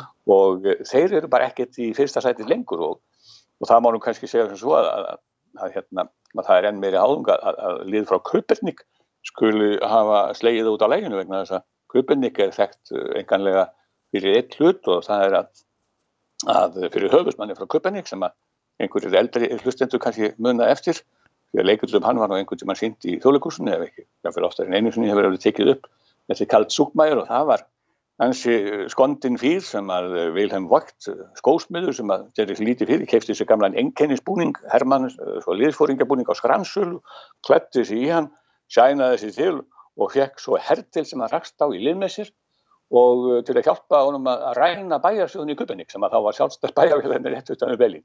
Þetta er einhver frægasti svíkarrappur sögunar og það er enn meiri niðurlæging fyrir uh, heitjutnarni bæjarmunn sem það þurfa að lúfa fyrir svona líði sem kemur á sveitungum uh, höfusmannsins frá Kupennik en ég veit ekki hvort að bókmyndir þetta er svo ofalega í huga knæsputum manna þegar þeir eru að kjappa að þeir átti á því en við sem höfum verið að skoða sögun og finnst þetta óðurlega gaman. Já. Og ég sé það að um helgina þá mætast uh, Bayern München og Hertha Berlin en það er þá öllum bara sama um það nema aðdóðandum þessar að tvekja liða. Það fókusin er Já. bara á, á heitliðið Það er Union Berlin sem gildir. Union Berlin er það sem gildir. Já og eins og þú segir Bayern München uh, stórveldi og, og hafa bara rúlað þessu upp ár eftir ár. Já, þeir eru bara búin að vinna uh, úrvalstildina í heilan áratu, við erum að segja. Já. og oftast er það þannig þegar að sko, keppnistíma byrjaði að cirka halnað þá eru þeir bara fattir að sko, horfa á byggarinn og Akkurat. það er ekki tíðindi síðustu umferðin þannig að þeir vita að þeir verða mestara þannig að þeir eru bara dóla sér og, og hafa engan, svona, engan ofur áhuga því að vinna því að þeir vita að þeir orðin mestara hvort sem er en nú er spenna í deildinni Já. og það eru bara það eru bara fótbóltamennir frá Köpenník sem að vera að valda þeirri spennu. Akkurat og svona almennir og aðrir uh, knaspuna á hvað mann geta glæsti við því. Það eru þetta miklu skemmtilega að hafa einhverju spennu í þessu. Já og bókmyndamenn að vera gana því að þetta sé fyrir landarhauður mann frá Köpenník. Fyrir utan og það. Kæra þakki fyrir í dag Artur Björgum Bóllarsson. Takk sem er leiðist.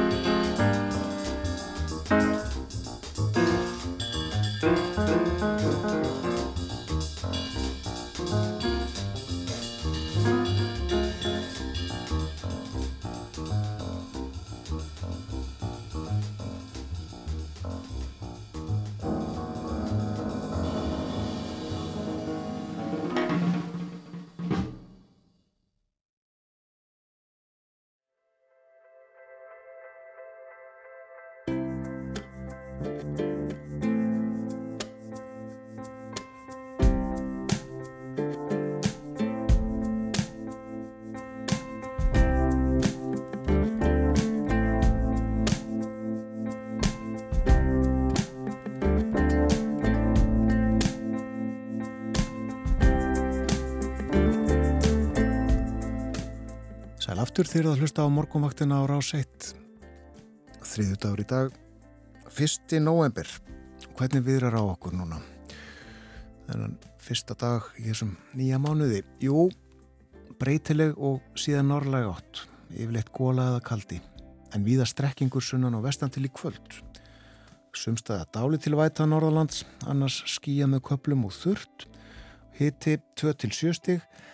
Kólunar fyrir norðan í kvöld og hitti þar svona í kringu frásmarkið.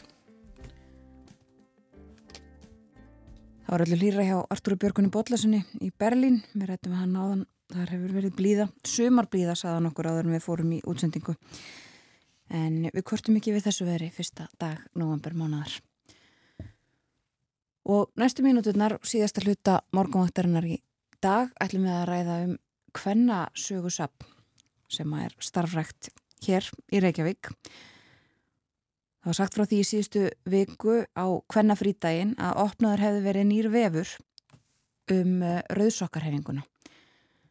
Þessi vefur uh, flottur og fróðlegur uh, og þar er sem sagt nú hægt að fræðast um og skoða frum heimildir ímsar frá rauðsokkarhefingunni á Íslandi. Og þessi vefur er hýstur og gemdur hjá Kvennasögu safni. Þar er fagstjóri Rakel Adolfsdóttir og hún er komin hinga til okkar á morguvaktina. Verður velkomin. Já, takk fyrir. Við ætlum að byggja þig á eftir um að segja okkur svolítið frá Kvennasögu safninu en byrjum á þessum uh, vef, það er til ekki bara svona uh, stafrænt safn um rauðsokkarhefinguna. Jú, akkurat. Þetta er svona stafrænt skjálasafn með líka svona upplýsingaheimildum sem eru skrifaðir af rauðsokarum sjálfum. Já, bara svona þeirra minnispunktur og gögn eða? Já, og það noti sérst að skrifa allt svona út frá sérst gögnum og þeirra eigin frumheimildum sem eru og hafa verið lengi hérna, varvittar ákveðnarsögursafni flestar þó svo hefur bæst við svona undarfærin ár líka en svo notar ég á bara tímaritt og alls konar heimildir en margt af þessu er bara eitthvað sem að þær sjálfar einungis geta munað og hvaða heimildir það geta fundið til að skrifa þennan texta. Já, rivjum aðeins upp, uh, getur auðvitað verið að það sé fólk sem ekki kannski man alveg eða, eða veit uh, um rauðsokkarhefinguna. Já, Rauðsokkarhefingin er svona grassrótar afl sem spratt upp hérna bara byrjun 8. áriðtöksins uh, og það fyrsta sem það gerði var að lappa á Rauðsokkum í fyrsta mægöngu með svona risastóra hérna, stittu, Venus og stittu sem var á leikriti úr mentaskólinum í Reykjavík og Lísaströtu sem það fengið lánað og reyn tengja svolítið reyfinguna strax við bara svona leikræna, myndræna svona viðbyrði. Já, akkurat og uh, þetta var öllur reyfing um tíma Uh, og eins og þú segir nú sem sagt hefur þessi vefur verið opnaður. Það er alls konar efnið þarna og eins og þú segir þær sjálfar koma þarna að uh, hvernig var þetta verkefni til að gera þennan vef þetta stafræna? Akkurat, í raun þá komu raus okkur reyfingin eða fulltróðir að nokkrar áfund bara landsbókarsaps, það sem kvennasjóðsafni er með landsbókaverði með svið, mínu sviðstjóra mm. og mér og, og vörpuði fram þessari hugmynd sem við tókum mjög vel í og hérna en gegn því að það fengi sér styrkir til að vera með auka starfsmann í verkefninu Já. sjálfu. En þetta líka það er sérst til vefur kvennalistin.is sem að hérna Kristi Jónsdóttir gerði. Þannig að þetta líka svolítið, ég veit að hugmyndin kemur svolítið frá því líka. Já. Akkurat og uh, það er sérstaklega þá óháð uh, kvennasögursafninu, þessi kvennalista vefur. Akkurat, Já. en hann er unnin uppgögnum sem eru fyrir á kvennasögursafni. Já, einmitt. Og uh, geymir alls konar upplýsingar rétt eins og þessi. Mm -hmm. Þetta er auðvitað merkilegt tímabölu, merkilegar heimildir. Akkurat, það er rosalega margt að gerast þarna á áttunda áratögnum og hérna, já, og það í raun, sko, Ísland, við vorum bara svolítið aftarlega á meirinni þegar kemur að jafnbrytti kynjana og hérna ég sé mjög skemmtileg svona viðtöl frá öðrum Norðurlöndunum þegar Viðdís Fimbadóttir var í fórstaframböðu 1980 þar sem segja bara reynd út bara hér eru mjög fákonu þingmenn, hér eru mjög fákonur í stjórnunastöðum, hvernig halda þau að, að fórsetin geti verið kona? Já. Þannig jafnvel þó að við höfum og, og höfum allar gútið síðan kannski haldið því á lofti að við höfum verið fyrst til þess að uh, kjósa fórseta í, uh, hvern fórseta í Vigdísi þá var einmitt staðana öðru leiti, það var staðan var betri annar staðar að öðru leiti. Já, að mjög miklu leiti tíma. og það þurfti í raun bara mikið afl til að breyta við ímsu og, og já, og já.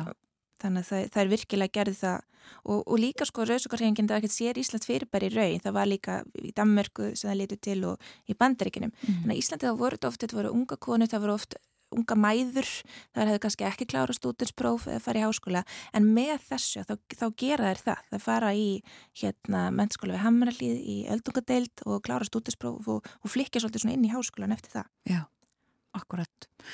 Já, uh, og þú er búin að nefna það að það eru gögn þarna bæði á þessum kvænalesta vefu og svo þetta ég mitt uh, rauðsokka vefurinn sem eru og voru fyrir geimt á kvænasögursafni um, segðu okkur aðeins frá kvænasögursafninu Já, ég hérna, hvernasögursafni er svolítið, það er svolítið skemmtileg safn og er núna eining á landsbúkusafni sem ég sagði áður en það var hérna stopnað á heimili konu, önnu Sigurðardóttur í Hjarðarhaganum 1. janúar 1975 í tilipna því að það var uh, svona hvenna ár saminnið þjóðuna Já. og saminnið þjóðuna voru sérst að leggja til að, að það erði passað upp á varvita sögu hvenna Þannig að hún annað fór á stað með hérna tveimu bókasarsfræðingum, Svonlegu Baldistóttur og Elsu Míu Einarstóttur uh, og stofnuði bara þetta græsrótarsapn í heimahúsi sem svo bara óks og óks uh, út frá því sem annars sjálf persónlega hefði sapnað. Já, þannig að hún hefði uh, hafið standa við að sapna einhverjum heimildum áður og, og þetta er 1975, já, og, og hvernig svo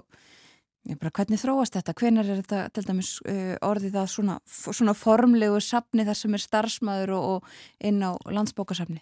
Akkurat, sko Anna var, hún gerði þetta bara í hérna, heimilda, nei sjálfbóðvinnu segi uh, en markmiði var alltaf að vera hluti af stærri einingu Já. og í raun hefði það sko stemt á þjóðbókliðina sem átti þá að byggja og að búið að sérst ákveða það uh, en uh, þjóðbókliðan opnar ekki fyrir 1994 og 1996 að það opna kvennarsusaf þar inni og var með plásáli frá 94 en það kostiði þess að heilmikla vinnu meðal annars uh, mikinn þristing um, og mikið af breyfaskjöfum til til ráðherra og landsbókavarðar og háskólabókavarðar og, og hérna rauðsakarhengin var í raun og, og þær sem hefðu verið í rauðsakarhenginni voru mikið afl í því að fá kvennarsusaf þarna inn. Já, innmitt og sko kvennarsusaf uh, vinna margir þar Já, eh, ég vinn þar, eh, eh, hérna, ég er eini starfsmæðin sem er fasti starfsmæðin og það er í raun samningur sem Hvannasjósaf gerði við landsbókasafna. Það er alltaf einn fasti starfsmæður og það myndi alltaf hafa sitt eigi sérheiti, Hvannasjósafn Íslands.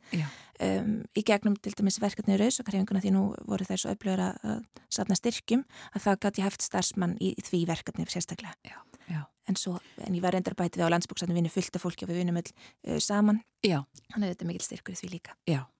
Akkurat og sko hvað annað er geimt á kvennasjóðsafni? Hvað, hvað er það sem að þið eh, hafið hjá ykkur og svo kannski í framhaldinu hvað er það sem að þið viljið fá eða eitthvað vandar?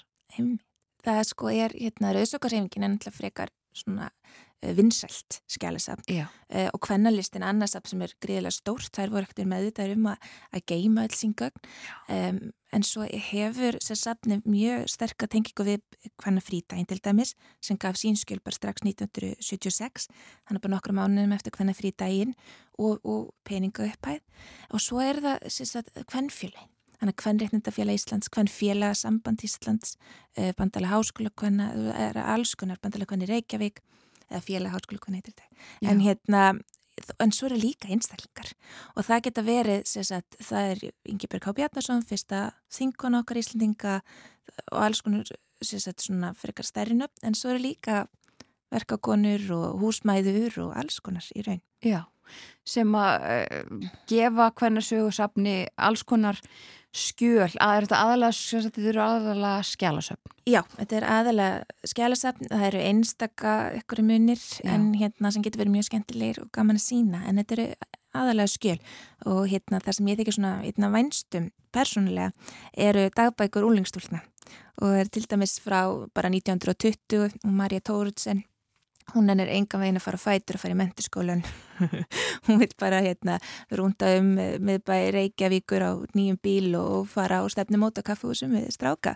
Og það er svo ótrúlega líkt uh, lífin okkar í dag að ég hérna verða að minnast á það. Fyrir hundra árum síðan? Fyrir hundra ára síðan. Og hún er alltaf eina, eina fái sem fekk að fara í menturskólan kona þá en er samt mjög áhugavert Akkurat, þannig að það svona, kennir ímis að grasa í þessum skjölum sem að þið geimið. Akkurat, en, en samt er alveg ofsalega margt sem vantar og, og stór gött sem að við skiljum ekki alveg hvaðan koma.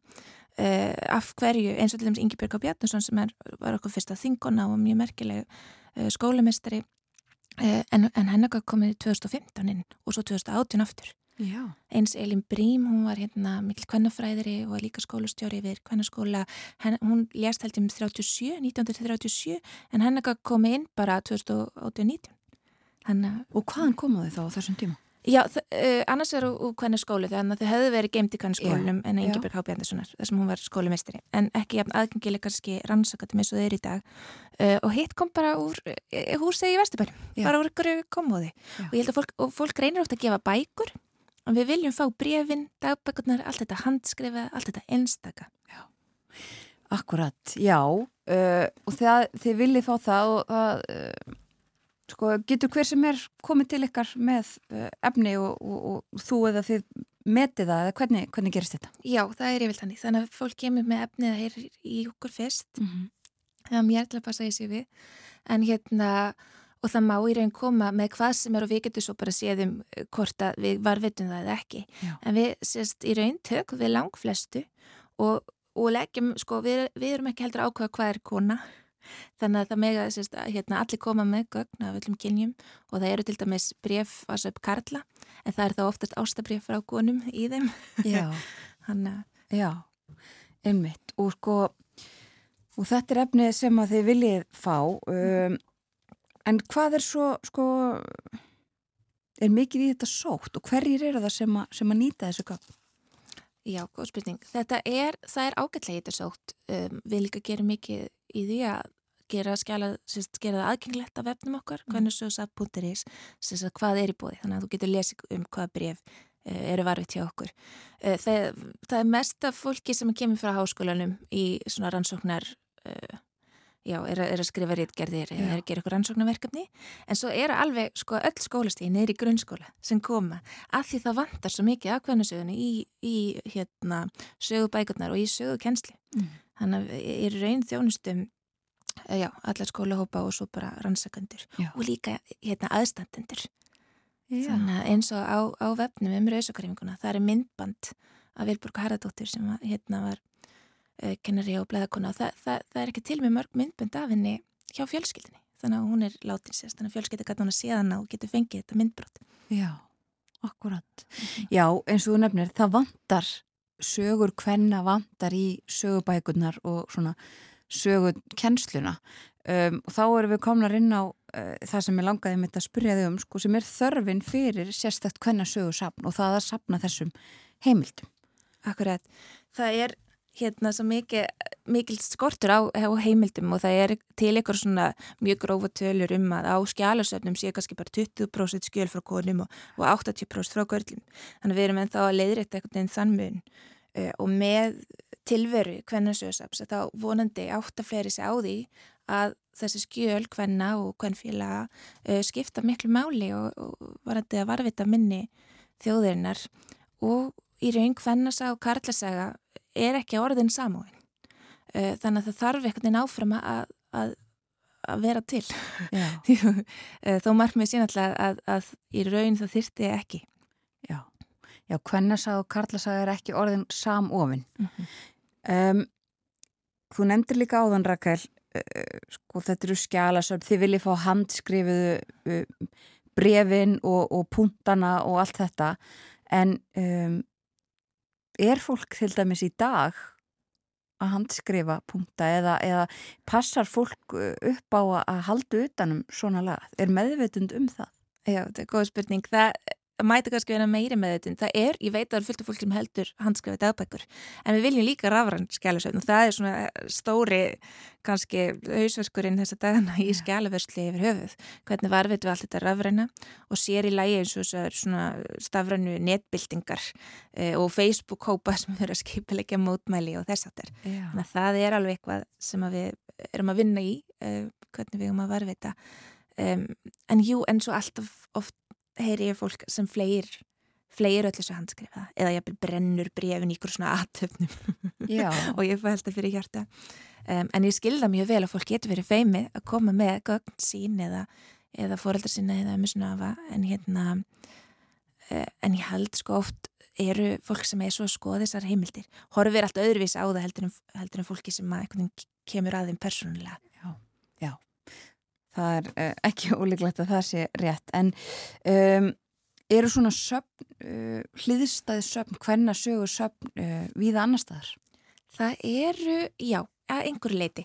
Það, það, það var svona ákveðin reyfing á Norðurlöndunum á svona sjönda áratögnum og og yfir í 8. áratíðin og þá hérna þannig að að byggir á svona ákveðinu sýsturstofnun í Svíþjóð sem heitir Kvinnsam og er í Gautaborg og er núna hluta Gautaborg háskóla. Uh, og ég er um til að fara núna í nógumber í rannsóknarlegum gupaði til Danmyrkur og Svíþjóður að skoða þessu sögn en í, eins og í Danmyrka þá byggðist það meira upp sem bókasafn og Kvennasjósafn var líka bókasafn á upphasárum sínum en núna er og svo runnur bara allar bækarnar og tímaritin inn í landsbókasafn. En hérna, já, þar var svona svipað uh, í Danmörku. Uh, og svo er þetta líka til, ég veit ég, í Englandi, þetta til í Bandaríkunum uh, en oft breytastu meira snúti eins og jafnbreytti stofa er í dag. Þannig meiri svona upplýsingagjöf vandi nútíman og, og alls konar. Já, Hann. Akkurat En gögnin eru til og, og varðveitt Já, já, yfirleitt, já. Ég er núna samt að reyna að leita að þeim í hérna Danmörku sko, í þeirra ríkisbókasafni og að því það er ekki sérstaklega safn, það er ekki sérstaklega starfsmessu sér um það lengur, að þá svolítið svona á ég erfiðra með að finna það. Þannig að verður áhugavert að sjá hvað kemur út úr þessum rannsóknarleiðangri. Já, akkurat. Um, Hvennasögursafni, þú ert þar eins og segir uh, einn svona fastur starfsmöður, þú starfir innan landsbókasafs þegar þú ferð hérna í dag eh, hvernig er dagurinn þinn og dagarnir þínir? Hvað, við hvað ert að fást? Akkurat í dag er ég til dæmis að taka móti tveimur ansókundum um, sem er að koma og skoða gögg til að vinna sína heimildir. Um, ég, ég er líka að taka og ég að vinna bækur og síningar og annars líkt og ég er að taka móti já, afhendingu í dag líka ég þarf að senda fullt af telepostum uh, og svo vondi kennst ég að, að flokka skjálasöfn og ganga frá nýjum aftingum þess að það er alltaf að koma kemur inn, já, nánast í hverju viku eitthvað, eitthvað bref, eitthvað dagbökur Já, mm -hmm. einmitt það. Og uh, sko úlingstúlkur uh, og, og fólk á öllum aldri sem er að einmitt, skrifa handskrifa dagbökur, taka einhverja punta á einhverjum fundum eða eitthvað svona sem að gæti átt erindi það getur svo sett og á að hugsa til ykkar Já, heldur betur, já. Akkurat. Takk fyrir að koma til okkar á morgunvaktina Rakel Adolfsdóttir fagstjóri á Kvennasjóðsafni og, og segja okkur frá safninu og safnkostinu. Takk fyrir mig.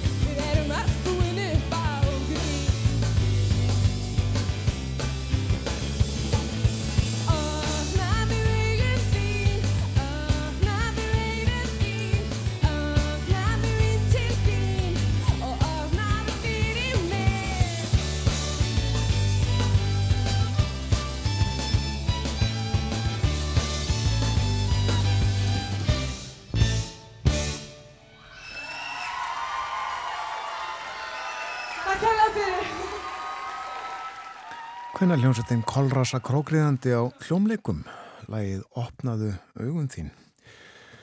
Kolrasa krókriðandi reyndi fyrir sér í útlöndum og uh, þá þótti ekki gott að heita þessu nafni.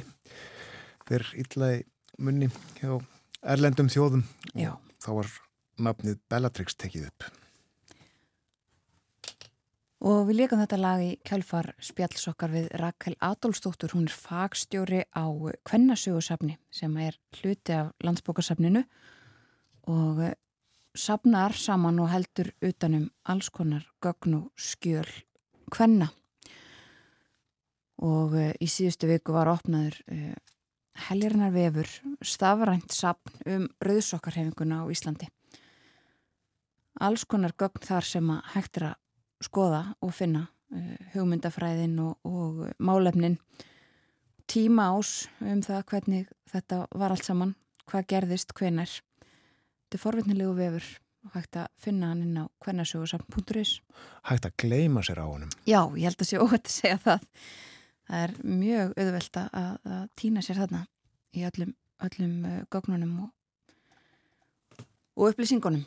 Alveg eins og ég gerði í morgun á umferðin.is, þessum nýja vef, vegagerðarinnar. Já. Það sem má sjá ástand vega, færðar upplýsingar og uh, svo líka upplýsingar um sko, uh, umferðina sjálfa. Hversu Já. margir bílar hafa farið um tiltekna vegi, eh, bæði síðustu tíu mínútur og svo frá miðnetti og við sjáum það til dæmis að síðustu tíu mínútur hafa farið 216 bílar um reikinnesbrötina. Þetta er, uh, þetta er forvitnilegu vefur og forvitnilega tölur að geta fylst með svona í rauntíma. Við höfum líka verið með uh, annað augað í Danmörku í morgun. Þar eru kostningar í dag og uh, Mette Fredriksson fórsettisráð þeirra búin að kjósa fyrst uh, leðtóana 14 uh, flokks leðtóana og rætti við fjölmela í morgun og sagði jú að þetta yrði líklega tæft. Nú eru það danirnir sem að tala, sem að tjá sig, sem að ákveða og svo bara sjáum við til í kvöld hvernig þetta fer, hver fær umbóðið. En ég vonast eftir breyðri samvinnu, sagði fórsettisráðurann. Og Hallgrimur Indriðarsson fréttamaður er í Kaupmannahöfn, við hefum séð frétti frá honum síðustu daga í sjónvarpinu og heyrti í útvarpinu líka og hann verður með uh, útgöngu spár niðurstuður þeirra í fréttunum í kvöld. Já, það uh, kjörstuðum lokar klukkan 8 dönskum tíma, það er klukkan 7, einmitt þegar fréttinnar hefjast og upp úr því þá verða byrtar útgönguspár og það er verða í beinni útsendingu frá Hallgrimi í Kaupmannahöfn. Og ætli við fjöllum ekki eitthvað um úrslitin líka ég er á morgumaktinni í fyrramálið. Og ætli það ekki, jú. En þessu fyrir að ljúka hjá okkur uh, í dag, þennan þriðjúdagsmorgun, 1. november. Við höfum settið hér frá því fyrir klukkun 7 morgun, Björn Þór Sjóbjörnsson og Þórun Elisabeth Bóadóttir. Og komið við að við. Við þakkum samfélgina í dag, morgumaktin er á sínum stað í fyrramálið á miðvíkudagsmorgunni. Verðið sæl.